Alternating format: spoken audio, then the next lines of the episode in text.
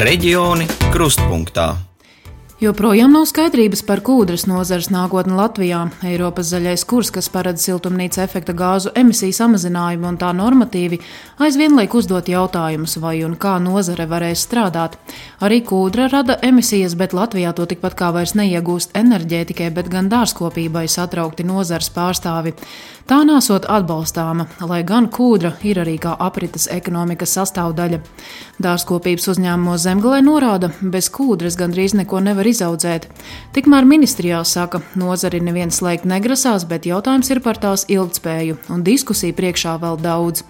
Esiet sveicināti raidījumā Reģiona Kruspunkta, ko šajā reizē veidoju es, Elīna Lapiņa un kolēģe Sandra Leitāne.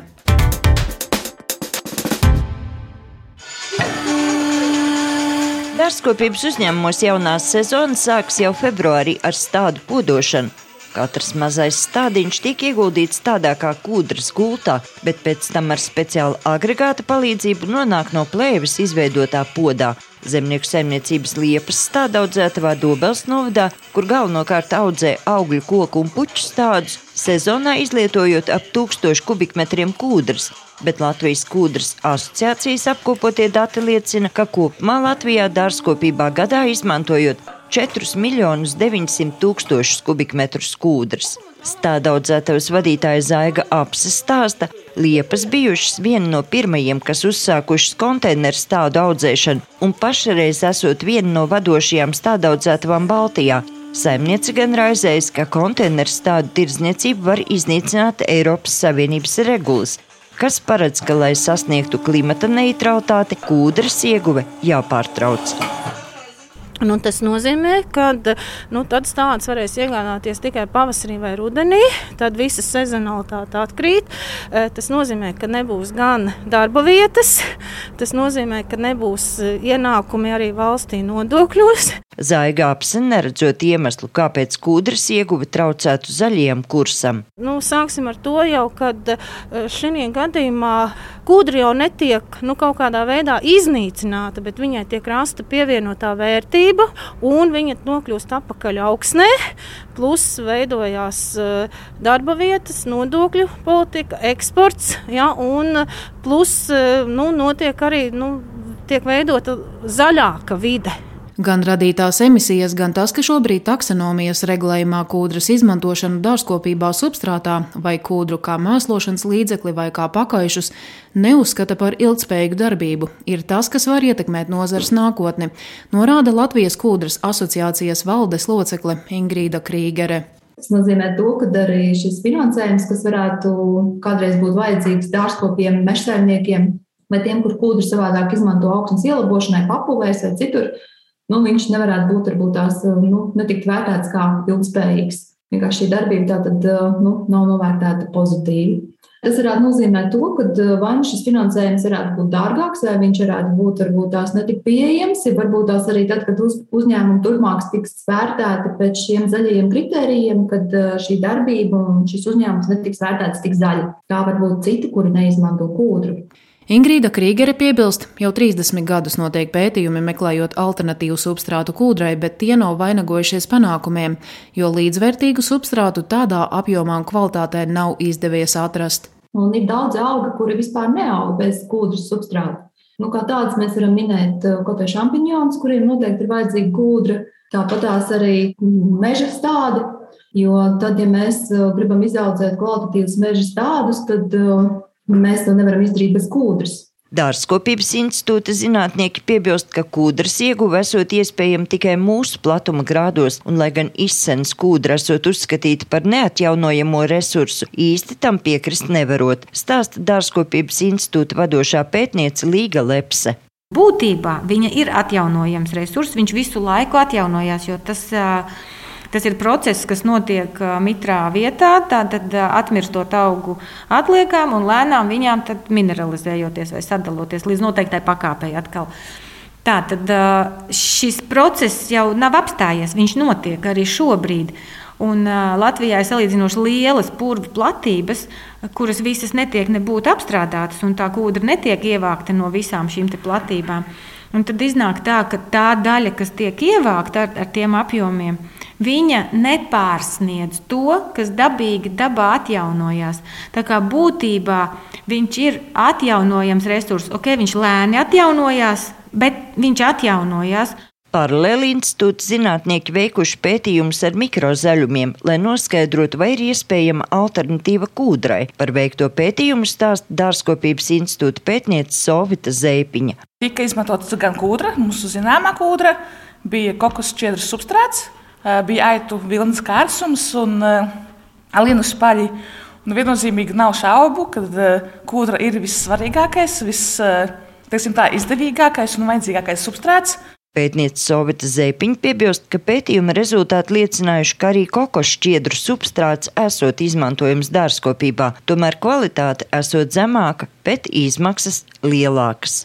Kokos šķiedru substrātā viņš varētu būt potenciāli teiksim, tā, labs substrāts, bet, ja es aprēķināju, cik izmaksāja piemēram puslitrs eh, sapildīt tilpumu, Tad eh, kūdra tie būtu 2 centi uz šo puslitru, bet tam kokosam būtu 12 centi. Tā ir eh, tiešām ļoti milzīga, milzīga atšķirība.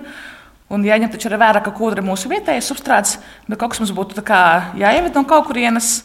Dārzkopības institūta vadošā pētniece Līga Lepse gan norāda, ka teorētiski kā alternatīvu kūdrai varot izmantot vietējo kompostu. Tomēr šīs process esot gan dārgs, gan laikietilpīgs. Šobrīd ir diezgan daudz pētījumu jau vietējā virzienā, lai izstrādātu jaunas teiksim, nu, receptes vai sastāvdaļas, no kā var veidot dažādus kompostus. Kā, kā sekmēt šo kompostēšanās procesu, ir dažādi aerobie, anaerobie procesi, kas, kas veido kompostu. Un, un tas viss notiek, bet tas ir ilgi, tas ir, tas ir darbs ar ar dabiskiem procesiem un ar dabīgiem materiāliem, un tas nav tik ātri izdarāms. Tas prasa līdzekļus pētniecībai, Pēc tam atkal būs noteikti tehnoloģiskas lietas, kas ir jāievieš. Tur vajag kompostam vietu, kur tad laukumus tos. Un, un tad ir jābūt tehnikai, kas viņu aerē, kas viņu jauc, pārjauc. Jautājums ir par apjomiem, nu, par salāgošanu, resursu. Tur, tur daudz jautājumu. Tas nav neiespējami, bet tas pie tā ir jāstrādā lēni, tas prasa laiku. Reģioni krustpunktā. Eiropas Savienībā kūdru dārzkopībai iegūst vien dažās valstīs - Latvijā, Lietuvā, Igaunijā, Somijā, Zviedrijā un Īrijā, piebilst vēl Latvijas kūdras asociācijā. No Latvijā iegūtās kūdras eksportā aiziet apmēram 93%.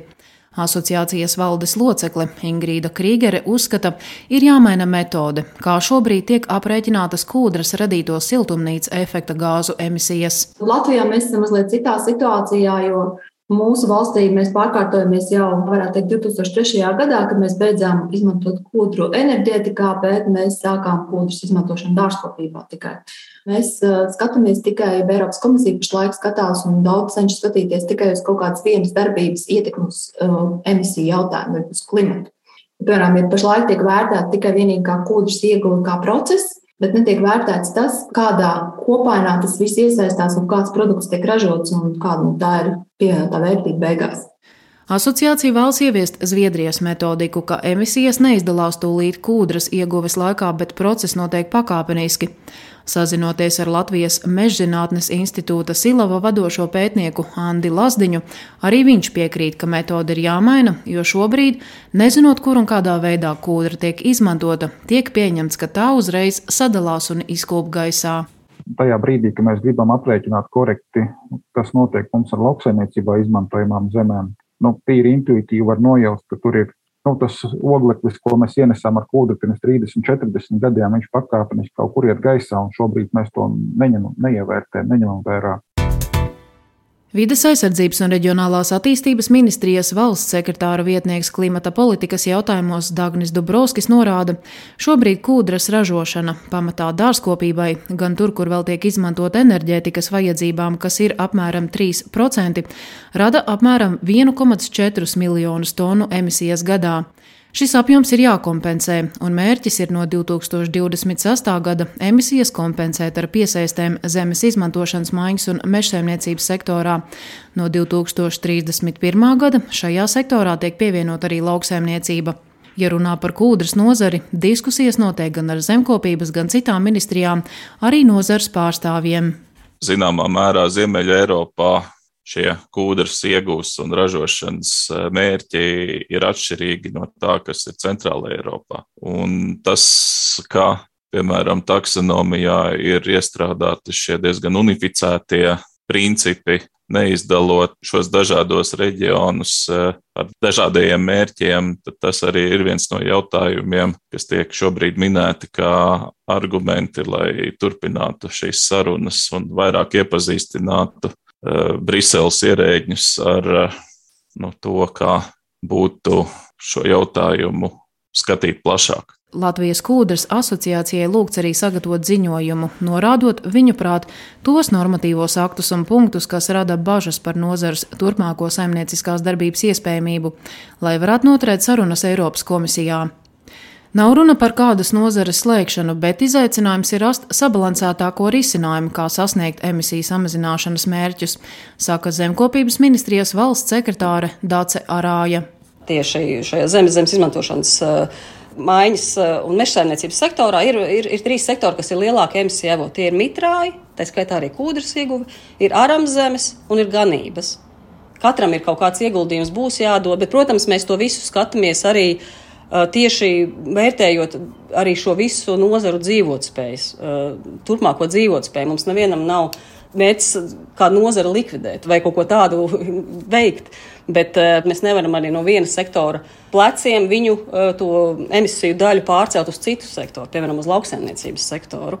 Līdz ar to ir jāmeklē šis līdzsvars starp, starp sektoriem. Latvijas stāda audzētāju biedrības valdes priekšsētājs Andrejs Vītoliņš norāda, ka laikā, kad samilzusi ģeopolitiskā situācija un imports no Krievijas un Baltkrievijas nav iespējams, lēmums pārtraukt kūdras ieguvi var iznīcināt visu dārzkopības nozari, jo bez kūdras praktiski nesot iespējams izaudzēt nevienu stādu. Viss ir forši, viss ir labi, bet tajā mirklī, kad mēs izslēdzam no mūsu pašu aprites, jeb ražošanas vienu no šiem produktiem, to pašu kūdru, mums viņi kaut kur ir jāatrod. Vienīgie ievedēji, vistuvākie, ekonomiski izdevīgākie bija Ukraiņa, Baltkrievija. Nu, arī tāpat Krievija varēja vest, nu viņi neveda, bet, bet viņi varēja vest. Tagad šobrīd tas viss atkrīt automātā. Līdz ar to tas ir viens ļoti nopietns arguments diskusijās ar to pašu Eiropu par šiem noteikumiem, par kūdras ieguvi. Arī viens no lielākajiem kūdras iegūs uzņēmumiem La Flora uzskata, ka mūsu resursi ir mūsu drošība, bet attiecībā uz klimata jautājumiem uzņēmums gatavojies jau laicīgi, paredzot dažāda veida kompensējošos pasākumus, kas saistās ar zemes tālāku izmantošanu. Uzņēmuma valdes priekšādātājs Uldis Amerikas saka, kūdrai varētu atrast pielietojumu piemēram arī būvniecībā, vai pat uz kūdras bāzes varētu tikt veidoti akumulatori. Un tad mums, kā zibens no skaidrām debesīm, jā, mēs ieraudzījām šajā paketē, jā, kad e, ir tāda taksonomijas regula, jā, kas, kas mūs ierindā absolūti vēl zem akmeņoklēm īstenībā, jā, jo e, tur bija pateikts, jā, ka jebkura kūdras produktu izmantošana ir e, nevēlama, nefinansējama un neatbalstāma. Tas nozīmē, to, ka visā pasaulē būtu jāatsakās no kūdas izmantošanas jebkurā produktā. Tas nozīmē, to, ka dārzeņus nevar vairs audzēt, ja nekāda atbalsta nebūs, ja tur tiks izmantot kūda. Un tad pienāk šī gada 24. februāris, kad kardināli mainās visa situācija. Un, uh, es domāju, ka šī brīža valdības un, uh, un mūsu uh, saka, jebkura vadītāja uzdevums ir sākot no, varbūt, no ierindas eh, mazas firmiņas līdz pat valsts prezidentam, ir jādomā par to, kā šajos apstākļos dzīvot tālāk. Par attieksmi pret kūdras nozari Uldis Amerikas izsakās visai skarbi. Uzņēmums jau cenšas klimata mērķus izpildīt, savā purvā stādot mežu un attīstot vēja parku, kas aizvietos fosilos energonesējus. Viņa prāt, sevišķi šajā situācijā, kūdra varētu būt arī kā strateģiskais resurs kurināšanai, ko varētu izmantot kopā ar šķeldu. Jāpiebilst, ka Latvijā kūdras ieguve notiek 4% no kūdras atradņu teritorijas, bet aptuveni 40% purvu tiek aizsargāti. Raidījumu pēc Latvijas radio viens pasūtījuma veidoja RTV Elīna Lapiņa un Sandra Leitāne. Bet jau nākamajā reģiona kruspunktā raidījumā Kurzemes kolēģis skars bēgļu jautājumu, kā tiek risinātas viņu izglītības iespējas Kurzemes pašvaldībās. Reģioni krustpunktā.